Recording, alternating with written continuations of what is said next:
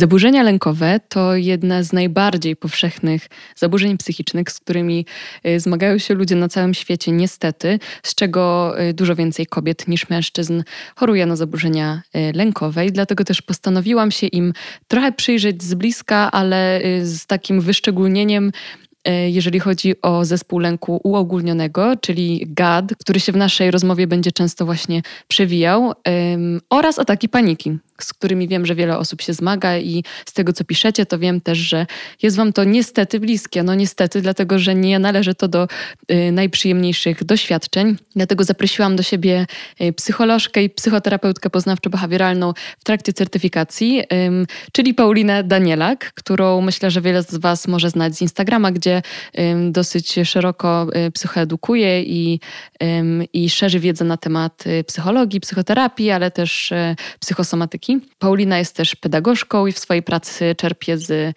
terapii akceptacji i zaangażowania, o której już trochę tutaj u mnie było. Jest też psycholożką sportu, łączy podejście poznawcze z pracą somatyczną, także naprawdę myślę, że jest to odpowiednia osoba do tego, żeby porozmawiać o pracy e, z lękiem, pracy gabinetowej, ale też o tym, jak ruch i innego rodzaju narzędzia, które są nam dostępne poza gabinetem psychoterapeutycznym, mogą pomóc w pracy z zaburzeniami lękowymi. I z tego miejsca chciałabym bardzo podziękować Marce Health Lab Scare, która objęła ten odcinek swoim patronatem już po raz chyba trzeci.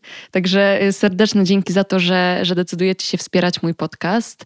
Jeżeli ktoś z Was szuka aktualnie suplementów diety i chce się jakoś wesprzeć od tej strony, to bardzo, bardzo serdecznie polecam Health Lab Scare. Sama korzystam z ich suplementów i mogę śmiało powiedzieć, że, y, że stoją za nimi rzetelni eksperci, w tym goście sznurowadą, tacy jak Asia Podgórska czy Michał Kot, także y, z ręką na sercu mogę polecić. Jeżeli akurat to jest Waszą potrzebą, to, to w opisie znajdziecie też kod ma 10, który daje Wam 10% zniżki. Jeżeli macie taką ochotę, to skorzystajcie, jeżeli nie, to nie. Ale jeszcze raz y, wyraz wdzięczności za to, że y, wspieracie mój odcinek. Oczywiście dziękuję moim patronom, patronkom, którzy e, subskrybują na Patronajcie i dostają ode mnie co miesiąc newsletter z nowinkami ze świata kultury. Jeżeli ktoś z Was chciałby dołączyć, to odsyłam do opisu odcinka, tam zawsze linkuję do Patronite'a i można w każdej chwili dołączyć i ostatniego dnia miesiąca dostać ode mnie e, taki właśnie newsletter. A teraz już nie przedłużając, y, zapraszam Was do rozmowy o zaburzeniach lękowych, atakach paniki i o tym, jak można za pomocą ruchu wspierać regulację lęku, y, czyli rozmowa z Pauliną Danielak. Paulino, bardzo się cieszę, że dotarłaś do Sznurowadu. Bo już żeśmy sobie coś tam rozmawiały, ale jeszcze, jeszcze nie doszło do zaproszenia aż do ostatniego czasu, kiedy zaczęłam się zastanawiać nad tym, z kim by tu porozmawiać o zaburzeniach lękowych. Y, pomyślałam, że trochę to zawężę, bo ucząc się przynajmniej na studiach widzę, że to jest tak szerokie zagadnienie i promieniujące na fobię, OCD, napady paniki, GAD. Jakby jest tego tak dużo, że pomyślałam, dobra, skupmy się może na tym, co jest najczęstsze, czyli rzeczywiście zespół lęku uogólnionego, no i napady paniki, które myślę, że dla wielu osób są e, jakimś takim e, enigmatycznym zagadnieniem, z którym strasznie trudno jest sobie poradzić, bo sami nie do końca wiemy, czy to jest atak paniki, czy to jest atak lękowy, czy to jest tylko fizjologiczne, czy, e, czy psychiczne, więc bardzo chciałam porozmawiać z kimś, kto troszeczkę pomoże mi to zdekonstruować, a jednocześnie wiedząc, że jesteś psycholożką sportu, to trochę chciałam też zahaczyć o to, y, no właśnie jak ruch pomaga rzeczywiście się w tym lęku wyregulować i dlaczego on jest tak ważny. Y, co myślę, że dla wielu osób doświadczających y, nagminnie lęku może być trochę nieintuicyjne, bo nam się wydaje, że sport nas wprawi w ten stan, który jest nam znany na przykład z, z takiej aktywacji wiesz, współczulnej. Więc tym przydługim wstępem bardzo dziękuję, że, że przyjęłaś zaproszenie. I, I co? I mam nadzieję, że dzisiaj troszeczkę sobie y, ten lęk rozłożymy na czynniki pierwsze. Dziękuję Ci bardzo za zaproszenie i też bardzo się cieszę, że dotarłam e, tutaj, że jesteśmy razem i też cieszę się na ten temat. E, dawno nie rozmawiałam e, o lęku, chociaż bardzo często jestem też pytana o lęk, to jednak tak. mam poczucie, że w ostatnim czasie mniej o nim mówiłam, więcej o stresie. Też mam mhm. poczucie, że sytuacje, które miały miejsce na, na, świecie, częściej byłam mhm. gdzieś tam pytana właśnie o stres, a fajnie jest wrócić do tematu lęku i na nowo sobie spojrzeć Szczególnie, że jesteśmy tutaj razem, tak? więc możemy tak, sobie tak. tutaj pokminić ten, ten lęk. Tak, i y, cieszę się, że o tym mówisz, bo rzeczywiście ym, wiem, że lęk dotyka z tego, co, co my się uczymy na studiach, 20 do 30% populacji, co jest w ogóle jakimś, jakąś ogromną statystyką. Ja sobie nie zdawałam z niej sprawy. Yy, I więcej jednak kobiet mierzy się tak. z zaburzeniami lękowymi. Więc pomyślałam już tak na, wiesz, na samym starcie, żeby trochę rozwiać wątpliwości, co sprawia, że lęk, który jednak jest emocją adaptacyjną, nagle staje się patologiczny. Chciałabym trochę od tego zacząć, żeby, żeby zobaczyć, kiedy możemy się już zacząć y, martwić albo zacząć rozważać wizytę u specjalisty, kiedy ten lęk, jak, jaką on musi osiągnąć, czy to intensywność, czy częstotliwość, czy co musi się zacząć dziać, żebyśmy my zaczęli myśleć, ok, to już zaczyna być jakoś patologiczne. To już jest coś, z czym warto jest popracować w psychoterapii czy w farmakoterapii, bo to zaczyna już nie być y, adaptacyjne. Oczywiście mamy pewne wyznaczniki, tak? na przykład w DSM-5, czyli w klasyfikacjach medycznych, czy w ICD-10, ale jednak zauważ, że mm, kiedy podajemy, psychoedukacja w ogóle jest super, jest bardzo ważnym aspektem, ale kiedy ludzie samo się diagnozują, no właśnie, czy to już, czy jeszcze nie, no tak, mam, mam ten objaw, czy, czy już powinnam pójść do specjalisty. Wszystko, co sprawia, że się zastanawiasz, że może coś jest nie tak, jest już pretekstem, jest odpowiednim momentem, żeby udać się do kogoś i to skonsultować. I, i każdy ma prawo pójść. Ja zauważam, że ludzie naprawdę dobrze intuicyjnie zauważają, że coś jest nie tak. I większość ludzi, kiedy czuje, że coś jest nie tak, to coś jest nie tak. I naprawdę nie trzeba spełniać wszystkich tutaj podpunktów z DSM czy z ICD, to jest gdzieś tam powiedzmy to samo, tak?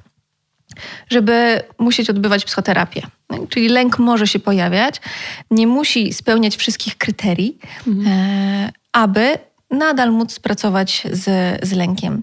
Więc możemy wymieniać tutaj pewne aspekty tego, co świadczy o zaburzeniu, ale nadal ten człowiek doświadcza lęku i trudno jest być może mu sobie z nim poradzić. Może nie zna odpowiednich technik, może te sposoby regulacji napięcia nie są e, w taki sposób wspierające albo są nieużyteczne, więc raczej niż patologia, brak patologii, mm. no, wolę patrzeć na to w kontekście tego, że ten pacjent czy pacjentka czegoś się nauczył w swoim życiu albo nie nauczył się nigdy mm, i że możemy go tego nauczyć. Do tego jest przestrzeń, bo wszyscy doświadczamy czasami naprawdę bardzo silnego lęku mm. czy bardzo silnego stresu i różnie sobie z nim radzimy. No, możemy się nauczyć. My często się też uczymy bać lęku, więc e, tak nie chcemy tego czuć. Mm. Boję się, że będę się bała. Mm. No i zaczyna się ta tak. karuzela e, nakręcania, właśnie tutaj napięcia, ale też myśli.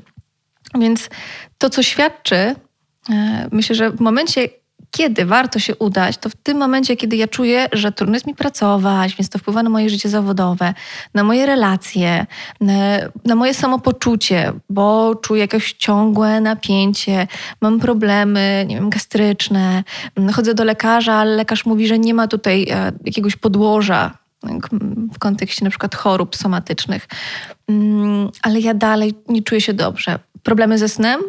Od razu udajemy się do psychiatry. Hmm. No więc nie czekamy, aż bezsenność będzie trwała, nie wiem, x miesięcy, tylko wiemy, że im szybciej, na przykład przy zaburzeniach e, snu, udamy się do specjalisty, tym tak naprawdę dla nas e, po prostu lepiej. A więc wszystko, co sprawia, że ja mam takie poczucie, mm, coś jest nie tak, trudno jest mi wyjść z domu, trudno jest mi funkcjonować, boję się, mam taki, ten lęk nawet nie silnie natężony, ale taki wolno płynący, ale cały czas. Mhm. Ach, martwię się. No, ciągle się zamartwiam, ciągle się zamartwiam, co będzie, ale nie spełniam jakichś kryterii, to i tak warto, warto, się, e, warto się udać do specjalisty i po prostu pracować nad tym, nad nowy, nowymi możliwościami właśnie kontaktu ze swoimi myślami, ze swoimi emocjami, e, ze swoim ciałem. Myślę, że to jest taka przestrzeń. W tym aspekcie wszystko, co mnie w jakiś sposób martwi. Mhm. No, tak samo jest e, odnośnie chorób somatycznych. Coś mnie martwi, idę profilaktycznie do lekarza. I to, i to jest, i to jest okej. Okay. Myślę, że też z lękiem jest o tyle ciekawiej, że on często współwystępuje z, z innymi zaburzeniami. I przynajmniej z tego, co ja się doczytałam, jeżeli chodzi o zespół lęku uogólnionego, no to on prawie zawsze idzie w parze z jakimś innym zaburzeniem y, lękowym.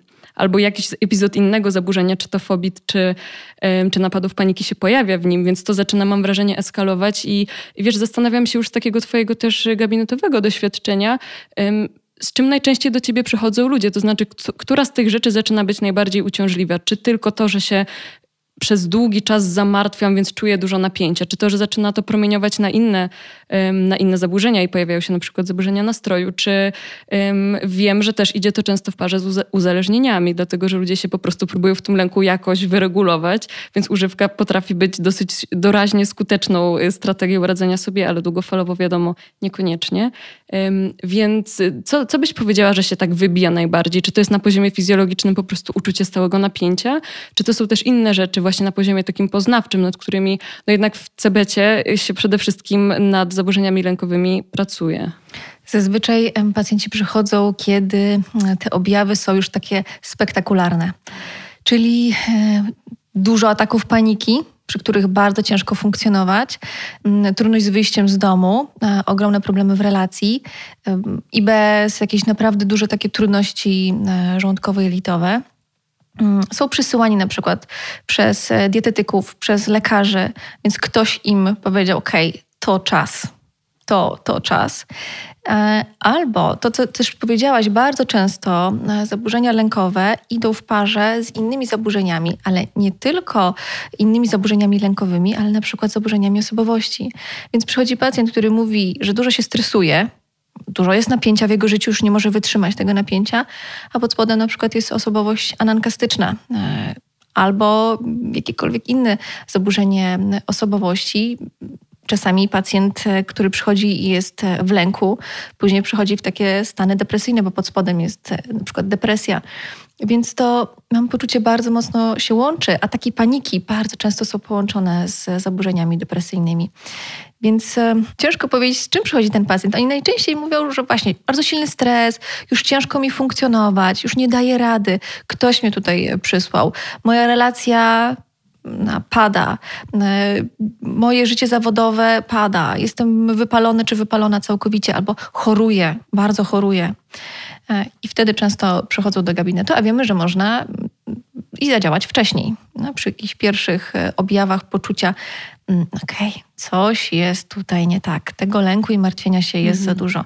No, żyjemy w takim społeczeństwie, y, tak, gdzie mówi się, no ale przestań się tutaj nad sobą użalać, nie narzekaj, to nic takiego, no weź się w garść. I ludzie biorą się w garść i wytrzymują miesiącami, latami czasami, aż przestaną wytrzymywać, no bo mechanizmy obronne oczywiście mogą trwać i latami, ale jednak ciało pod spodem będzie przyjmowało na te razy. I kolejny raz, i kolejny raz, i kolejny raz. I wiemy, co dzieje się przy chronicznym stresie. Może dojść nawet w dalekiej perspektywie do śmierci. Więc no jeżeli cały czas jesteśmy w pobudzeniu, no to nasze ciało, chociaż długo będzie się trzymało, często też niestety, no, bo jak gdyby dawało mocniejsze sygnały wcześniej, to może wcześniej bym zareagowała, ale ono tak trzyma, trzyma, tak bardzo chce wytrzymać to wszystko, no ale jesteśmy tylko ludźmi, aż ludźmi. To jest bardzo ważne, żeby o tym pamiętać. No tak, no i potem to promieniuje. Była u mnie właśnie rozmowa niedawno o zaburzeniach psychosomatycznych i rzeczywiście, kiedy y, przez miesiące czy lata ty żyjesz z takim napięciem, to to zacznie ci po prostu wywalać w jakichś innych objawach, bo ciało nie wytrzyma, tak jak mówisz. I, y, i może to jest dobry moment, żeby porozmawiać trochę o tej fizjologii lęku, to znaczy o tym, y, co się na poziomie naszego ciała w ogóle dzieje, że przy takim lęku właśnie, chociażby wolno płynącym, o którym powiedziałaś, czy tak jak w gadzie trwającym no, przynajmniej te 6 miesięcy, no to jest naprawdę bardzo dużo trwania w chronicznym napięciu i y, już wiemy, że będzie miało to konsekwencje dosyć spore, ale y, no co się właśnie dzieje w naszym ciele tak naprawdę wtedy? żeby to lepiej jakoś zrozumieć. Po pierwsze, to nie jest tylko w naszej głowie, tak jak nam się mm. wydaje, że tylko sobie wyobrażamy i że jak tylko to rozkminie, to przestanę się, przestanę się bać, bo lęk to jest tylko w głowie. Nie, to jest całe nasze ciało jest e, uaktywnione. Jeżeli mówimy o takim mm, ataku paniki, gdzie następuje silne pobudzenie, to troszeczkę inaczej wygląda niż taki chroniczny stres, chroniczne napięcie przy gadzie, e, gdzie jest właśnie ten taki lęk wolno płynący. No, czasami jest go więcej, czasami mniej, ale cały czas jestem w pobudzeniu. To, co się dzieje, ja cały czas jestem w tej takiej uważności, alertness, e, takim byciu, na uwadze na to, co się dzieje wokół. Jeżeli ja cały czas jestem w pobudzeniu, to nigdy nie schodzę do stanu wyciszenia, e, tego stanu przywspółczulnego. Jeżeli mówię o autonomicznym układzie nerwowym, który się aktywizuje w sytuacji zagrożenia, to jestem cały czas w tej części współczulnej. Cały czas jestem, poszukuję tego, co się dzieje. Muszę wyjść naprzeciw e, bodźcom zagrażającym. Cały czas obserwuję siebie w środku, coś mi się dzieje, już jestem, już jestem chora, czy, czy to się dzieje, tak? Albo na zewnątrz.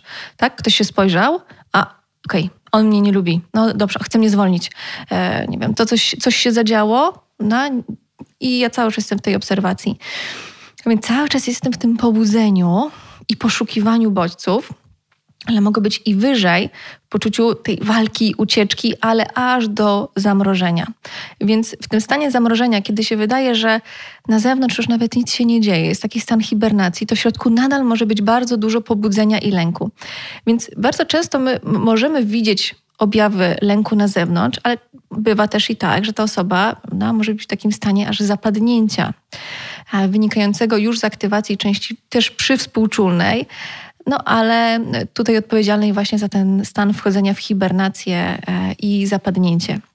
A więc mamy autonomiczny układ nerwowy, który się aktywizuje, mamy ciało migdałowate, e, przy nim oczywiście też hipokamp, a więc uczymy się, no, bo hipokamp jest odpowiedzialny za uczenie się, więc ciało migdałowate, które odpowiada tutaj właśnie za te wszystkie reakcje i co się dzieje, ten kontekst emocjonalny, Dlatego zapamiętywanie jest emocjonalne też. No, uczymy się, uczymy się emocji. Coś się zadziało, ja mogę nawet nie skojarzyć, no, że to miało ze sobą związek, tak naprawdę emocjonalny, i później w każdym momencie, kiedy będę w podobnej sytuacji, będzie się odtwarzało i będzie się odtwarzało. I to mogą być tak małe bodźce pobudzające znowu ataki paniki, na przykład przy, przy fobiach, agorafobii, że będzie nawet trudno je e, zauważyć, czy w, w PTSD, no czyli w, tych, w traumie. A więc e, no, kontekst e, na poziomie mózgu, na poziomie przekaźnictwa, na poziomie, poziomie w, tak naprawdę całego naszego ciała, aktywizacji wszystkich narządów do tego, że teraz muszę zawalczyć, to jest ważne. Tak, coś się dzieje, jestem w sytuacji pobudzenia, na przykład mam do wykonania projekt, okej, okay, ta reakcja jest wtedy potrzebna. Ale jeżeli ja cały czas wykorzystuję ten gaz, cały czas jestem w takim pobudzeniu, no to ja, ja nie mogę wypocząć, nie mogę się zregenerować po tej trudnej sytuacji, tylko non-stop jestem właśnie w tej pobudliwości. A więc wszystkie zasoby swojego ciała, które są przygotowane na te najtrudniejsze momenty, żebym przeżyła, są aktywizowane cały czas i cały czas i cały czas. A z pustego nie naleję.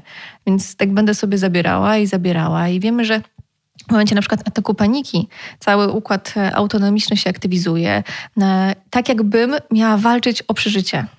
E, więc wszystko, co robi nasze ciało, walczy o przeżycie.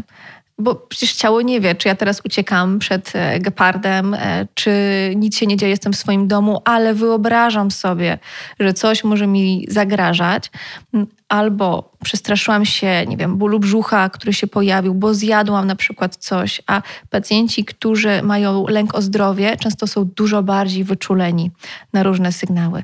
Sam fakt tego, że cały czas monitorują swoje ciało, które jest żywe, którym no, dzieją się różne, różne rzeczy, sprawia, że oni każdy element mogą odbierać jako zagrożenie i będzie się aktywizowało i aktywizowało. To jest trudne, bo wyczerpujemy wszystkie nasze możliwości tak naprawdę walki e, z, z bodźcem, którego nie zwalczymy. Bo jest to bodziec wyobrażony, subiektywny. E, nie jest to strach, gdzie wiem, idę sobie lasem, napotykam ślady niedźwiedzia, miałam taką sytuację, więc na śniegu świeża, więc przestraszyłam się, uciekam. Okej, okay, dokończyłam reakcję, uciekłam, byli ze mną inni ludzie, do, dobiegliśmy do nich, śmialiśmy się, zjedliśmy, Uf, reakcja dokończona, czyli była aktywizacja części współczulnej, później część przywspółczulna, mogliśmy zjeść, mogliśmy strawić, pośmiać się, e, więc ten kontekst też e, social engagement, e, zaangażowania społecznego, okej, okay, reakcja dokończona, idę dalej. W tej sytuacji ta reakcja jest często niemożliwa do dokończenia. Nie ucieknę od bodźców z mojego ciała i ja mogę niestety poprzez unikanie utrwalać sobie lęk. A więc będę chodzić do lekarzy, będę chodzić do lekarzy. To są y, takie zachowania zabezpieczające, które utrwalają lęk, albo będę unikać różnych rzeczy. Tylko, że lęk lubi się rozrastać. A więc jeżeli mam agorafobię, i y, na początku, nie wiem, nie, nie będę wychodzić na, na koncerty. Okej, okay, dobra, uniknęłam lęku, nie, nie, boję się na koncertach, ale potem to też nie jest tak, że ten lęk znika, bo wychodzę do sklepu i zaczynam się bać. Więc okej, okay, przestaję chodzić do sklepów. Dużych, chodzę do małych sklepików, ale okazuje się, że kiedy wchodzę do małego sklepiku, to też czuję ogromny lęk i mam ataki paniki, więc zamawiam przez internet. I jestem w domu, ale i w tym momencie mam na przykład kola e, z pracy i znowuż no, mam poczucie, że nie mogę uciec, muszę, jestem na widoku. I mam atak paniki. No, więc e, lęk lubi się rozrastać. I to też jest ważne, bo czasami my mówimy, ok, czegoś uniknę, jakoś będę zabezpieczać e, się przed tym ale nieprzepracowany lęk sam zazwyczaj nie, nie odchodzi od nas. Hmm. No myślę, że te strategie zabezpieczające to jest pff, mega ciekawy temat właśnie na to, że y, nam się wydaje, że po prostu unikając sytuacji potencjalnie zagrażających rozwiążemy problem, a my go tylko po prostu napędzamy. I pamiętam jak u mnie na studiach była taka y, historia właśnie osoby, która mając ataki paniki, po prostu sobie to tak zracjonalizowała, że będzie nosiła butelkę wody zawsze, jak to się dzieje, to będzie popijała łykami i będzie okej. Okay. No tylko, że zdarzyła się sytuacja, że nagle zapomniała tej butelki wody i co się stało? No zaczęła y, interpretować to, że y, trochę jej mocniej bije serce jako sytuację zagrażającą, że zaraz znowu powtórzy się ten atak paniki, ale ona już nie ma tej wody, więc na pewno sobie nie poradzi z tym, z, y, z tym atakiem i to się po prostu zapętla. Ja też miałam kiedyś taką sytuację podobną do ataku paniki, można powiedzieć, w której to się zdarzyło w pociągu. I cała moja głowa powiedziała, że musisz wyjść z tego pociągu, ale tego nie zrobiłam. I właśnie potem rozmawiałam z terapeutką o tym, że bardzo dobrze, że nie wyszłaś z tego pociągu, bo byś już miała to skojarzenie, że zawsze pociąg to zagrożenie, a tak się trochę nie da żyć, bo w tym momencie sytuacje gdzieś tam wpisane w Twoją codzienność, typu transport miejski, praca, czy kontakt z ludźmi, czy wejście do sklepu, zaczną być właśnie kojarzącymi się z atakiem paniki. I, I to nie jest rozwiązanie, że, że nie masz wtedy szansy na to, żeby tak zdekatastrofizować trochę te, te przekonania o tym, że te sytuacje generują lęk czy atak paniki, więc tutaj dlatego myślę, że, że praca poznawcza chyba jest bardzo skuteczna po prostu w lęku, że, że to chyba jest naprawdę świetny, świetny pomysł na, na radzenie sobie z zaburzeniami lękowymi. Też powiedziałaś o takim bardzo ważnym aspekcie, to, że pacjenci z zaburzeniami lękowymi, oni mają poczucie, że nie mają wpływu na sytuację, że nie mają kontroli.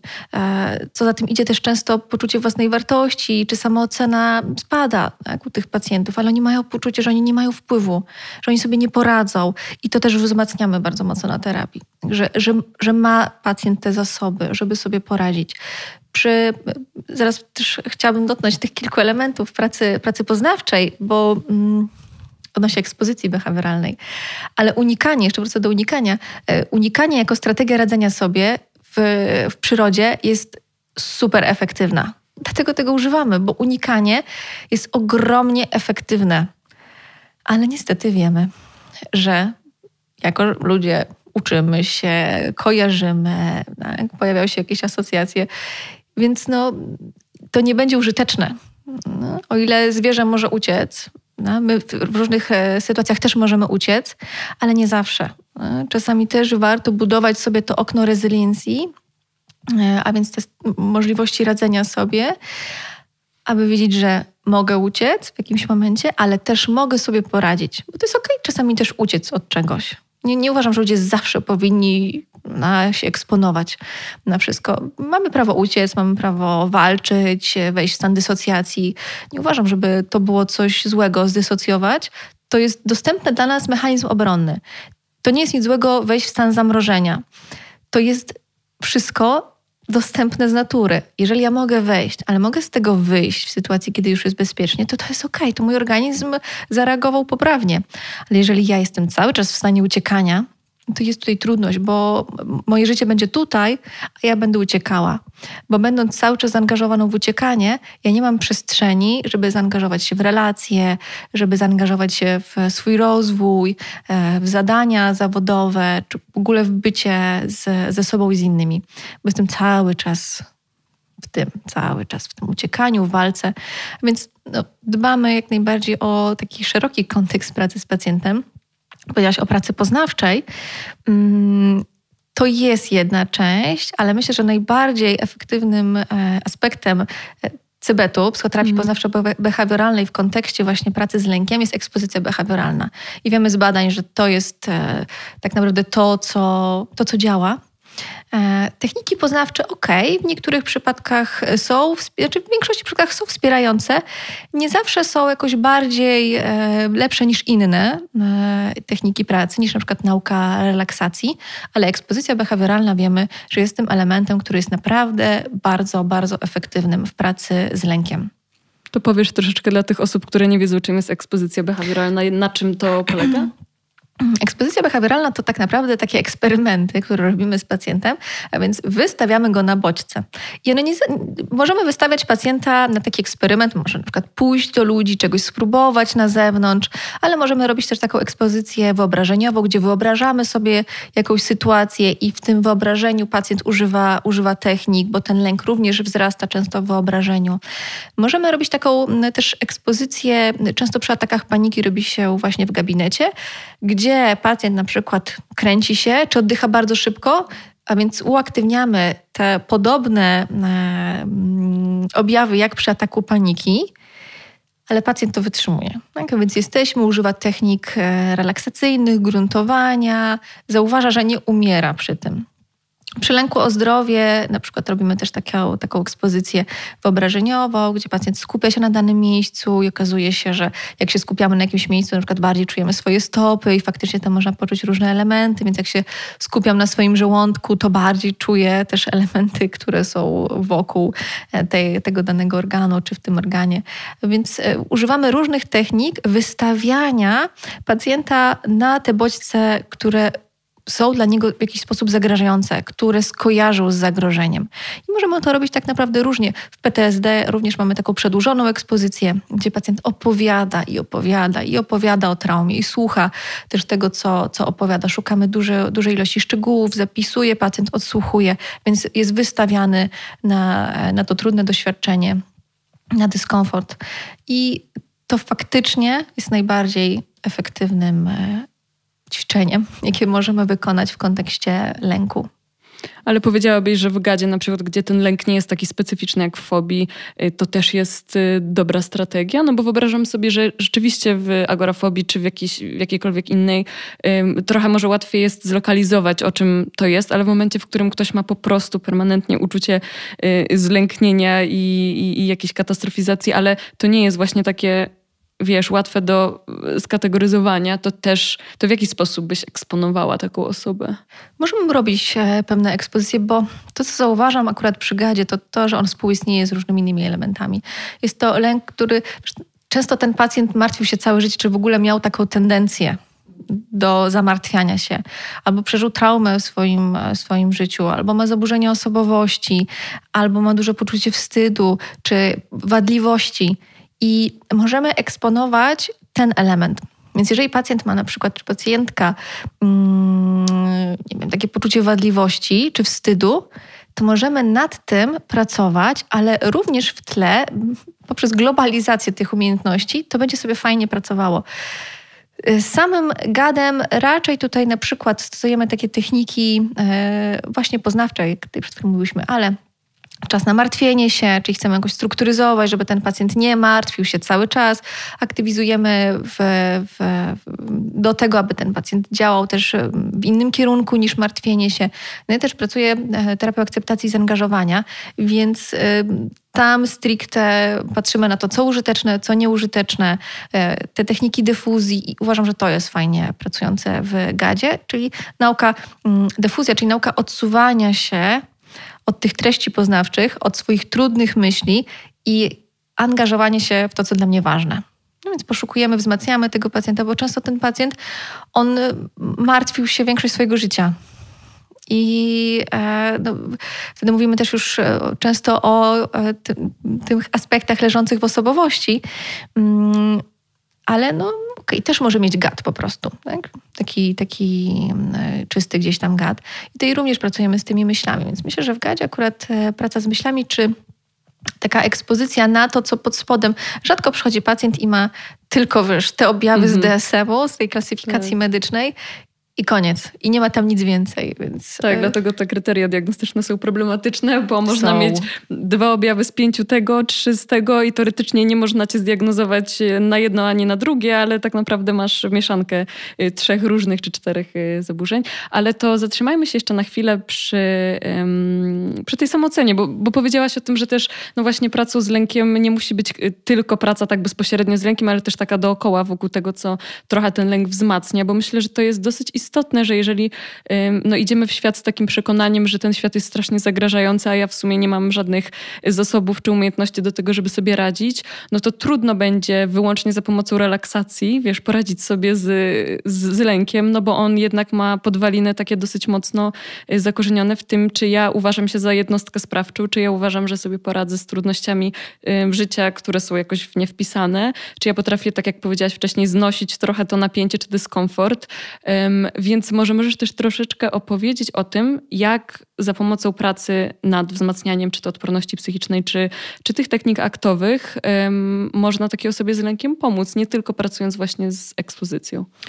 Jeżeli mówimy o tej ogadzie, więc takim tym, tym, lęku wolno płynącym, to często ten pacjent jest zmęczony. On jest zmęczony, on ma już, już takie poczucie, no już, już, już nie mam siły, nie poradzę sobie, ja nigdy nie przestanę się martwić. Ja wręcz muszę się martwić, bo jest tyle zagrożeń. Ten pacjent może być drażliwy, zmęczony, osłabiony. On często e, ma problemy ze snem, to jest takie chroniczne zmęczenie. Więc e, ten pacjent potrzebuje też wzmocnienia. E, nawet małe rzeczy, których on się nauczy, e, będą dawały powoli, powoli efekty. Więc techniki relaksacyjne również są tutaj ważnym aspektem tego. To, że powoli pracujemy z tymi myślami, opracowujemy sobie te myśli. I mam też poczucie, że ważnym tutaj, mm, ważną kwestią jest budowanie poczucia bezpieczeństwa. To są często pacjenci, którzy nie mają w ogóle poczucia bezpieczeństwa, więc co znaczy się nie martwić? Jeżeli ja, ja, nie wiem, jak to jest się nie martwić. No ja muszę się martwić. Martwię się, a później martwię się o to, że się martwię. E, I mm, budowanie poczucia bezpieczeństwa jest też często taką pracą na poziomie somatycznym. Więc powracamy do technik somatycznych, e, pracujemy sobie naokoło, wzmacniamy tego pacjenta, szukamy zasobów, możliwości, tego, co lubi. On często jest tak długo w tym lęku, że nie miał przestrzeni na swoje, na swoje hobby, na swoje zainteresowania, bo się martwi cały czas. Martwi się o pieniądze, martwi się o relacje, e, martwi się o to, co będzie, martwi się o sytuację gospodarczą, światową. A więc chcemy, żeby on mógł też troszeczkę odpocząć. Chcę mu pokazać mu, jak to jest, kiedy pozwala sobie na mniej martwienia się i że może kontrolować, że może budować swoje zasoby w inny sposób, ale też może odpuszczać kontrolę. Więc uczymy tej rezyliencji, robimy to poprzez oczywiście różnego rodzaju ćwiczenia, zauważanie w ogóle swoich myśli, tworzenie właśnie modeli ABC, tak? emocje, zdarzenie, zachowanie, co się działo, co jest użyteczne, co jest nieużyteczne. I wzmacnianie poczucia bezpieczeństwa, wzmacnianie poczucia kontroli, wzmacnianie poczucia wpływu, ale i również elastyczności psychologicznej, więc że może się dziać, a ja mogę przy sobie być, kiedy uczymy pacjenta bycia przez dyskomforcie. Robimy to też na przykład poprzez techniki wyobrażeniowe, gdzie pacjent powraca do jakiejś sytuacji trudnej, ale jesteśmy w tym razem. A używamy technik, których, których wcześniej się, się uczył. W somatic experiencing też e, tak robimy, czyli powracamy do jakiejś sytuacji trudnej i regulujemy. No i wracamy do zasobów, a powróć do zasobów. Okej, okay, mała dawka, więc miareczkujemy. Ja mm, przez to, że no, też jestem w szkoleniu Somatic Experiencing, no to, to łączę, więc to, co mówię, nie jest czystym CBT, psychoterapią poznawczo-behawioralną, ale jest jakimś miksem różnych technik. Więc e, szczególnie przy lęku mam cały czas w tle te informacje dotyczące właśnie funkcjonowania układu nerwowego, bo powiedziałaś też o relaksacji, ale dla pacjenta z atakami paniki, czy w ogóle z lękiem, położenie się na macie... Kaplica może być tak zagrażające, że może ataki paniki wywołać. Bo w naturze, jeżeli jestem w zagrożeniu, to które zwierzę się położy i będzie leżało na plecach? Na plecach w sytuacji zagrożenia. Połóż swojego psa na plecach, kiedy jest w sytuacji zagrożenia i niech on się zrelaksuje. Niech czeka. Niech czeka. A może nie przyjdzie to zagrożenie, jak będę leżeć. Nie, najgorsze, co możemy zrobić pacjentowi z zaburzeniami lękowymi, mhm. ale z zaburzeniami właśnie panicznymi, to położyć go na macie i próbować go zrelaksować, bo okej, okay, może na sekundę, ale wybije z powrotem bardzo silny, bardzo silny lęk. I też często bywa, że pod tym e, jest jakieś cierpienie. Pacjent e, na przykład z atakami paniki, z lękiem. Jest też e, pacjentem, który pod spodem ma na przykład niewyrażoną złość, niewyrażone inne emocje, frustrację, wściekłość. No ale no, nie może tego wyrazić na zewnątrz e, do innych, więc wyraża to do środka atakami paniki, lękiem i napięciem, bo napięcie w ciele to jest napięcie w ciele. Ja mogę je różnie interpretować. A więc e, kiedy zapłaciłam za bilet do Wesołego Miasteczka i stoję przed kolejką górską i jestem, boję się, jestem napięta i cały mój układ autonomiczny jest tej części współczulnej, bo prawda, tu się będą zaraz działy takie rzeczy. Ta kolejka, górka, kolejka górska jest naprawdę szybka, stroma i tak dalej. Ale ja zapłaciłam za ten bilet więc mam tutaj poczucie kontroli wpływu. Mogę odejść, ale nie chcę, są ze mną moi znajomi i tłumaczę sobie, że oprócz tego lęku jest tam też ekscytacja. I jest tam też dla mnie coś ważnego, więc ja jestem przy tym lęku, bo jest tam ekscytacja, poczucie wolności, nie wiem, poczucie, poczucie tej prędkości i taka fajna adrenalina. I to też jest duże napięcie w ciele, ale ja inaczej je sobie tłumaczę. Ale jeżeli stoję przed, nie wiem, egzaminem, i jestem tylko przy swoim lęku. Odcinam się od innych ludzi, odcinam się od innych wartości. To zobacz, co się dzieje bardzo często. Nakręcam się, nakręcam się, boli mnie brzuch, e, do toalety. Uff, nie, nie zdam, nie zdam, nie, nie zdam, nie zdam. Nie, zapytają mnie, o co się na pewno nie dowiedziała. I to jest również silne napięcie, ale ja nie mam poczucia wpływu, nie mam poczucia kontroli i mam poczucie, że mm, jestem tylko przy swoim lęku i on mnie obezwładnia. I to też kiedy pracuję z pacjentami przy lęku, to mówię, ok, ten lęk będzie sprawiał, że w tej sytuacji będziesz pewnie, na, na, pewno będą się pojawiały te myśli trudne. To się dzieje z automatu, to się na pewno zdarzy. Na pewno zdarzy się to, że będziesz się bała, że będziesz miała wszystkie te krytyczne myśli, e, będziesz katastrofizowała, będziesz robiła to i to. A o czym możesz zapomnieć przy tym? O czym chciałabyś pamiętać intencjonalnie? A okej, okay. chciałabym pamiętać o tym i szukamy tych intencjonalnych kwestii, tych zasobów. No tak, że na przykład idę tutaj, będę pokazywała projekt przed e, całym moim teamem w pracy. Chcę pamiętać o tym, że włożyłam w to dużo pracy, że to są ludzie, ludzie którzy są e, mi przychylni, że lubimy się, że mogę na nich spojrzeć, że oni będą tak zainteresowani tym, co robię, bo mamy ze sobą dobrą relację. Że na przykład to, to i to, że chcę pamiętać o tym, że to jest ważna część mojego rozwoju, bo na przykład praca zawodowa, w której jestem, jest dla mnie bardzo, e, ten aspekt zawodowy jest dla mnie bardzo ważny. A więc zobacz, że to jest też kwestia no, tego, jak identyfikujemy to, co się dzieje, jak to oceniamy, jak sobie to wyobrażamy, bo w ciele następuje napięcie. No, napięcie. Ale albo zapłacę za bilet i idę na super horror do kina, albo mam poczucie, że nie dam rady, ten lęk mnie zniszczy. Więc też uczymy takiej szerszej perspektywy. No, że można być przy tym dyskomforcie. Często pacjent, który jest w zaburzeniach lękowych, nie może oglądać horrorów, nie może robić różnych rzeczy, nie może ćwiczyć na siłowni, bo małe pobudzenie będzie go wybijało. Nie może się położyć na macie, będzie miał poczucie, jeżeli musi być cały czas w orientacji, no, że nie może, że umrze, jak się położy. I to jest naturalne, to jest taki atawizm. Kiedy zamknę oczy, też mogą się nasilać e, tutaj ataki paniki czy, czy poziom lęku, a więc trzeba być ostrożnym. No, ale nie ostrożnym, lękowym. Tak, tak nadmiernie ale czujnym. Mhm. Uważnym na to, co może wspierać, a co może e, pobudzać. Dlatego też warto udać się do kogoś po wsparcie. Tak. Tak, i myślę, że y, ja na pewno widzę, że jakby że to się doskonale sprawdza w występach scenicznych, że rzeczywiście kiedy, ja mam przynajmniej takie doświadczenie, byłam tak dobrze przygotowana, ale po prostu tak, że ja wiedziałam, że tam no, nie, ma, nie ma szans, żeby coś poszło nie tak y, na takim poziomie merytorycznym, bo byłam, y, jeżeli chodzi o grę na instrumencie, byłam tak już po prostu dobrze rozegrana, że, że nie było takiej opcji to naturalnie ten stres, jak już zaczęłam grać, mi zszedł, nie czułam już lęku, już byłam w stanie wejść w ten stan flow, bo, bo miałam przekonanie o tym, że ja sobie poradzę, bo się tak wyryłam i przygotowałam, że byłam w najlepszej swojej kondycji muzycznej, y, jakiej, w jakiej kiedykolwiek byłam. A w momencie, w którym mam, idąc już y, na egzamin czy audycję, takie przekonanie, że nie jestem pewna, czy sobie poradzę, bo w sumie to mogę zapomnieć nut, mogę się pomylić, mogę ze stresu wypuścić smyczek, to y, to, to się nakręca rzeczywiście. I to pokazuje, kurczę, jakie to jest mega ważne, żeby wzmacniać w ogóle to poczucie też kompetencji. Tak, i umysł robi to, do czego został najlepiej stworzony, a więc dba o martwienie się. Tak. On uwielbia się martwić, został do tego stworzony, bo jesteśmy potomkami osób, które najbardziej się martwiły, dlatego przeżyły w dżungli i w lesie. Jeżeli ktoś się nie martwił, no to prawda, w tak. tamtych czasach miał jakieś takie średnie szanse na przeżycie.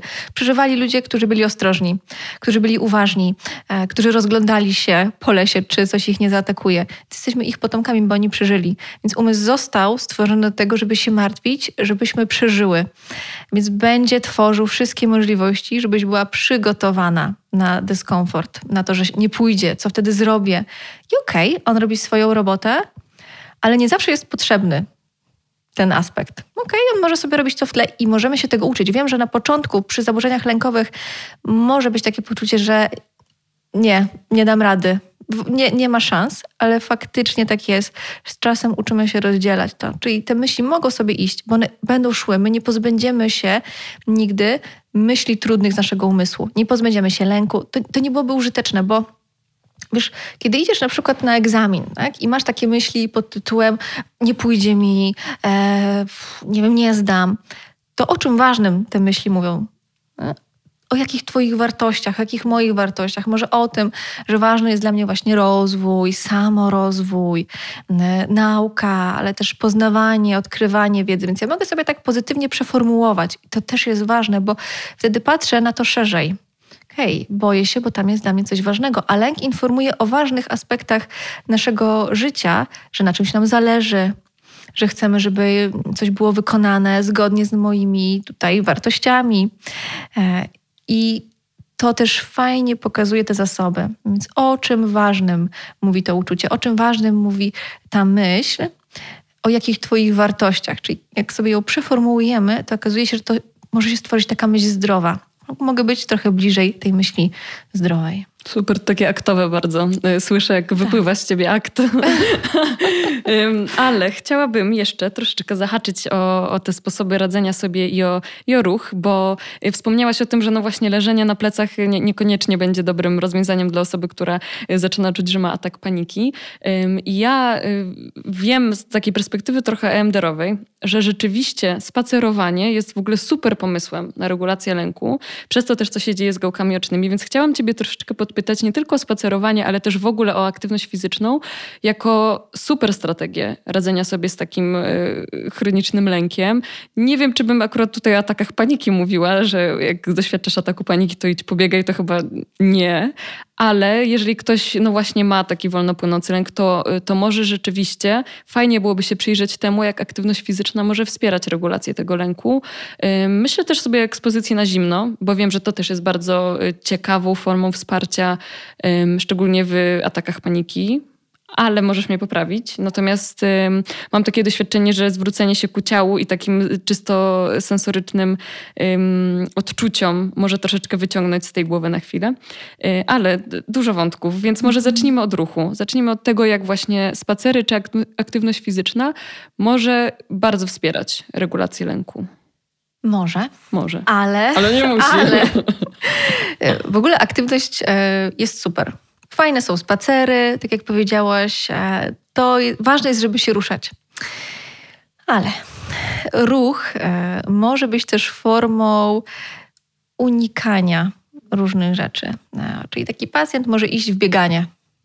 Będzie cały czas okay, po pracy, gdzie był w silnym stresie, idzie pobiegać, znowu następuje silna aktywizacja części współczulnej. No, bo jeżeli robię ciężki trening albo idę intensywnie biegać, to jest znowuż silna aktywizacja. I później ja będę po, miała takie poczucie, oh, ale to będzie wykończenie. To będzie moment, kiedy już to ciało no, wydało z siebie to wszystko, wydaliło. Chociaż jest to iluzja, bo tak naprawdę ja nie uczę się być przy swoim napięciu i dyskomforcie, ale no, próbuję je na zewnątrz wybiegać. To jest to, kiedy mówimy, że w tych nowych podejściach, że kiedy pojawia się złość, to nie idziemy boksować, no, tylko chcemy z tą złością usiąść i pobyć, bo to będzie budowało elastyczność. Bo jeżeli za każdym razem, kiedy ja się zestresuję, yy, będę szła pobiegać, to w momencie, kiedy się zestresuję, a nie będę mogła pójść pobiegać, to nie będę mogła się wyregulować. Jeżeli ja się reguluję tylko intensywnym treningiem do naprawdę upadku mięśniowego, no to warto zauważyć. Czyli tak naprawdę w każdym e, aspekcie patrzymy, jaka jest funkcja danego, danego działania. Ale e, yoga, pilates i bieganie i intensywne treningi również, tylko to jest kwestia mocno indywidualna. Warto zobaczyć, co mi to robi, co się dzieje, czy mogę pójść na intensywny trening, ale i czy mogę zrobić bardziej statyczne, statyczne ćwiczenia, czy takie właśnie relaksacyjne, jeżeli mogę. Jeżeli nie, to warto udać się do kogoś, bo być może ten lęk jest tak nasilony, a ja go trochę przykrywam intensywnymi treningami. Czasami niektóre osoby z atakami paniki nie mogą robić intensywnych treningów, bo każdy taki bodziec nasilający jakieś e, doznania z ciała będzie przypominał im właśnie o ataku paniki i będzie nakręcał tą spiralę lęku. Więc w takich przypadkach małe dawki pobudzenia, i wtedy ruch, okay, może jakaś, no nie wiem, yoga, pilates właśnie, ale też nie zawsze. Czasami pacjenci nie mogą robić takich rzeczy na początku i to jest okej, okay, to jest zrozumiałe. Ciało, którego, e, którego granice były przekraczane, no, my chcemy uczyć bezpieczeństwa, a bezpieczeństwa będziemy uczyć nie przekraczając jego, jego granic. Ekspozycja na zimno jest super, ale też może być dla niektórych pacjentów zbyt dużym bodźcem, przekraczającym granice, czy no właśnie będą szli w właśnie ekspozycję na zimno, ale nie będą się kontaktować ze swoimi emocjami. Więc jeżeli ja mogę robić to wszystko, ale jednocześnie mogę być w kontakcie ze sobą i swoimi emocjami, to jest ok. Ale jeżeli ja używam tego, ale nigdy nie kontaktuję się ze sobą i ze swoimi emocjami, to może to być forma ucieczki. Mhm. No ja właśnie myślałam o tym bardziej w kontekście takiej strategii, w której załóżmy, że ktoś zaczyna y, czuć to napięcie, czuć ten lęk i siedzi sobie z nim, przetwarza go, zastanawia się, zaczyna rozumieć, o czym to jest, co, jaka sytuacja to striggerowała i ma poczucie, że dobra, na poziomie ciała cały czas czuję ten lęk, chociaż moja głowa już zaczyna kumać, o co chodzi y, i co mogę teraz zrobić, żeby sobie ulżyć. I wyobrażam sobie, że no właśnie medytacja siedzona w miejscu nie jest najlepszym wtedy rozwiązaniem i jak myślę sobie, okej, okay, pójdę na spacer godzinny czy dwugodzinny, to nie chodzi o to, że ja się, wiesz, odetnę od czucia i się tak styram, że, że nie będę musiała po prostu pochylić się nad tym, co spowodowało ten lek. Tylko mówię sobie, okay, moje ciało potrzebuje teraz y, być w jakimś ruchu, żeby poczuć się bezpiecznie, żeby mogła na przykład tę lękorodną myśl przetworzyć idąc, kiedy moje gałki oczne przetwarzają jednocześnie zmieniające się otoczenie, więc moje ciało myśli, że jest bezpieczne. To wydaje mi się to być bardzo mądrą strategią. Tak, no, ruch jest w ogóle bardzo ważny. Wiemy, że pacjenci tak dobrze, żeby spacerowali, żeby ruszali się, ale też ważne, żeby to był taki ruch, który sprawia mi jednak przyjemność który jest, dla mnie, który jest dla mnie przyjemny, bo pamiętajmy, że sport zawodowy, patrzymy na sportowców bardzo często z taką wizją, wow, oni to. Sport zawodowy nie ma nic wspólnego ze zdrowiem e, i często sportowcy są osobami, które są po operacjach, które cierpią na różne. Na przykład SIBO jest bardzo częste e, e, wśród sportowców, a więc sport zawodowy, taki bardzo intensywny, nie ma nic wspólnego ze zdrowiem. Pamiętajmy o tym też, mm, wybierając taki ruch, który będzie dla nas fajny, który nas zainteresuje, przy których będziemy się czuli, okej, okay, odpoczywam. To jest coś dla mnie, albo interesuję się nim, on jest, e, bo wiesz, odpoczywam psychicznie, tak, mm. też. Mm. I to jest okej okay zrobić super intensywny trening. Wiemy, że on też jest zdrowy. To jest okej okay zrobić e, ten trening na takiej średniej wydolności, czy zrobić coś bardziej statycznego, na przykład yin jogę. I to jest okej. Okay. Wszystko jest e, dla ludzi. Pytanie, w jakim celu tego używamy, a więc chcemy poznać cel tego. Mm. A tak, to możliwości ruchu są przeogromne e, i bardziej ustrukturyzowane, mniej ustrukturyzowane. Więc e, ja zachęcam do szukania tego, co, co sprawia, że chce mi się mm, ruszać, chociaż na początku to może być trudne, bo u pacjentów może pojawiać się niechęć do, do, do ruchu, więc szukać najmniejszej ilości ruchu, którą mogę wprowadzić. Może to będzie spacer wokół bloku na początku, przejście się do parku przed blokiem i wrócenie, i to też jest o ruchu.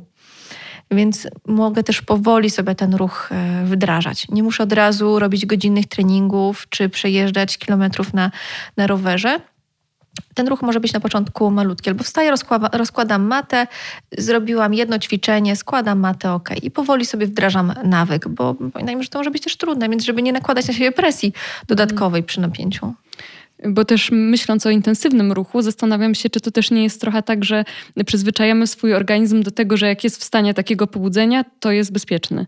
Czy powiedziałabyś, że to też jest na przykład o tyle przydatne, że pacjent z zaburzeniami lękowymi dając sobie co jakiś czas, y, wystawiając się na sytuację, w której jego tętno właśnie jest bardzo szybkie, poci się, ale widzi, że nic mu się złego nie dzieje, to jest w stanie potem przekuć tę umiejętność z treningów intensywnych na doświadczenie na przykład zbliżającego zaraz do ataku paniki. Yy, możemy to też robić w inny sposób.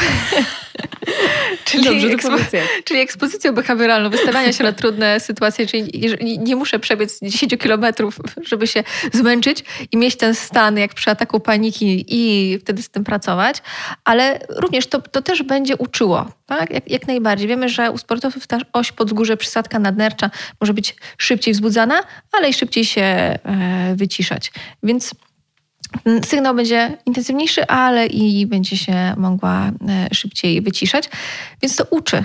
Tak? E, oczywiście bycia przy dyskomforcie, ale nie, nie, nie musi to być ta droga, żeby ktoś nie pomyślał, że teraz musi iść i tre, mhm. trenować ponad swoje siły, bo tylko wtedy będzie mógł być przy dyskomforcie.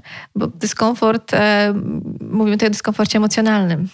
No, bardzo często też. E, I tym, że ja sobie wyobrażam, że umrę przy tym, co mi się dzieje, na przykład przy ataku paniki, czy e, oszaleję, stracę kontrolę. Mm, a więc tą kontrolę możemy budować, czy poczucie kontroli, poczucie wpływu też e, w inny, w inny sposób. Aczkolwiek, jeżeli to na kogoś działa, jeżeli ktoś uważa, że to jest wspierające, uważam, że wszystko jest dla ludzi. Mhm.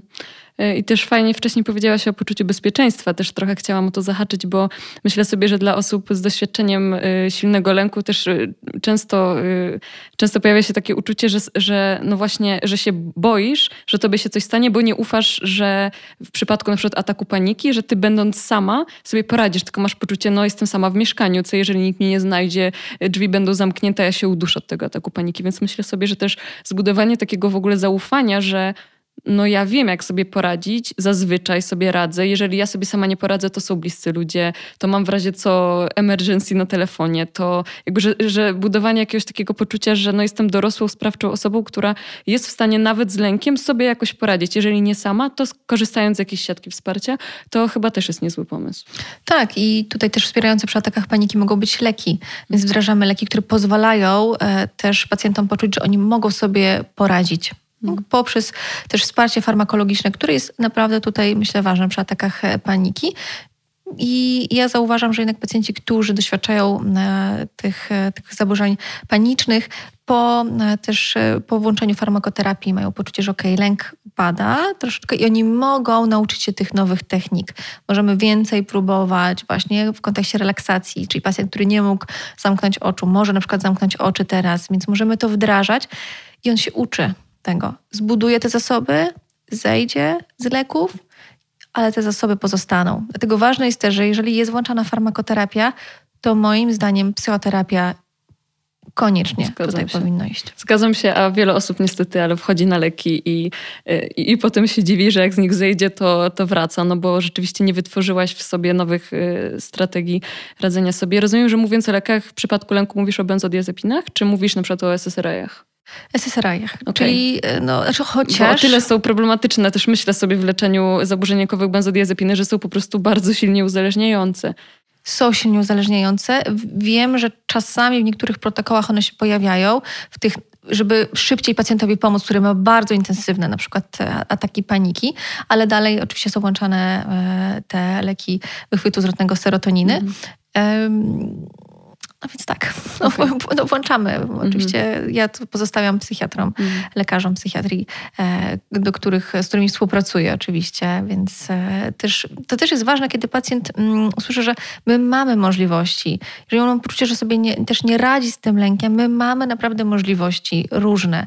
E, może, może to jak najbardziej przyjmować leki, może być farmakoterapia, może być psychoterapia, łączona farmakoterapia i psychoterapia, różnego rodzaju techniki. Jeżeli jedna technika nie działa, to my mamy dużo innych technik, które możemy, których możemy próbować. To może być ekspozycja behawioralna, ale jeżeli jest niedostępna, to jest sporo też innych technik, które, którymi możemy pracować tutaj e, z pacjentem i no, wiemy, że efektywność jest naprawdę duża takiego, mm, takiego, takiego leczenia. Super, to tym optymistycznym e, e, zdaniem chciałabym Ci bardzo podziękować za to, e, czym się podzieliłaś, bo wydaje mi się, że, że wybrzmiewa taka jednak nadzieja, że zaburzenia lękowe to nie jest coś, z czym trzeba żyć i już nie da się nic z tym zrobić, tylko że chyba dosyć ładnie da się to w psychoterapii, czasami wspomaganej farmakoterapią wyleczyć. Więc, mhm. więc myślę, że ten, ten element nadziei, mam nadzieję, że zostanie z naszymi słuchaczami, słuchaczkami, którzy się z tym borykają. Chyba, że jest coś jeszcze, co chciałabyś przekazać, ale, ale wydaje mi się, że zarówno ten, ten aspekt poznawczy, jak i relaksacyjny, jak i y, pracy z układem nerwowym, wydaje mi się, że patrząc na to tak globalnie, tak jak powiedziałaś, jest, jest, jest sporo nadziei. Jest, jest sporo nadziei. Nie jest tak, że będziemy żyć bez lęku. On będzie, ale możemy troszkę inaczej do niego podchodzić. I dalej będziemy się stresować, dalej będziemy czasami napięci ale poprzez nowe umiejętności jakość naszego życia będzie zdecydowanie inna. Bardzo Ci dziękuję. Dzięki. Mam nadzieję, że y, jeszcze się pojawisz kiedyś w Neurowadłach.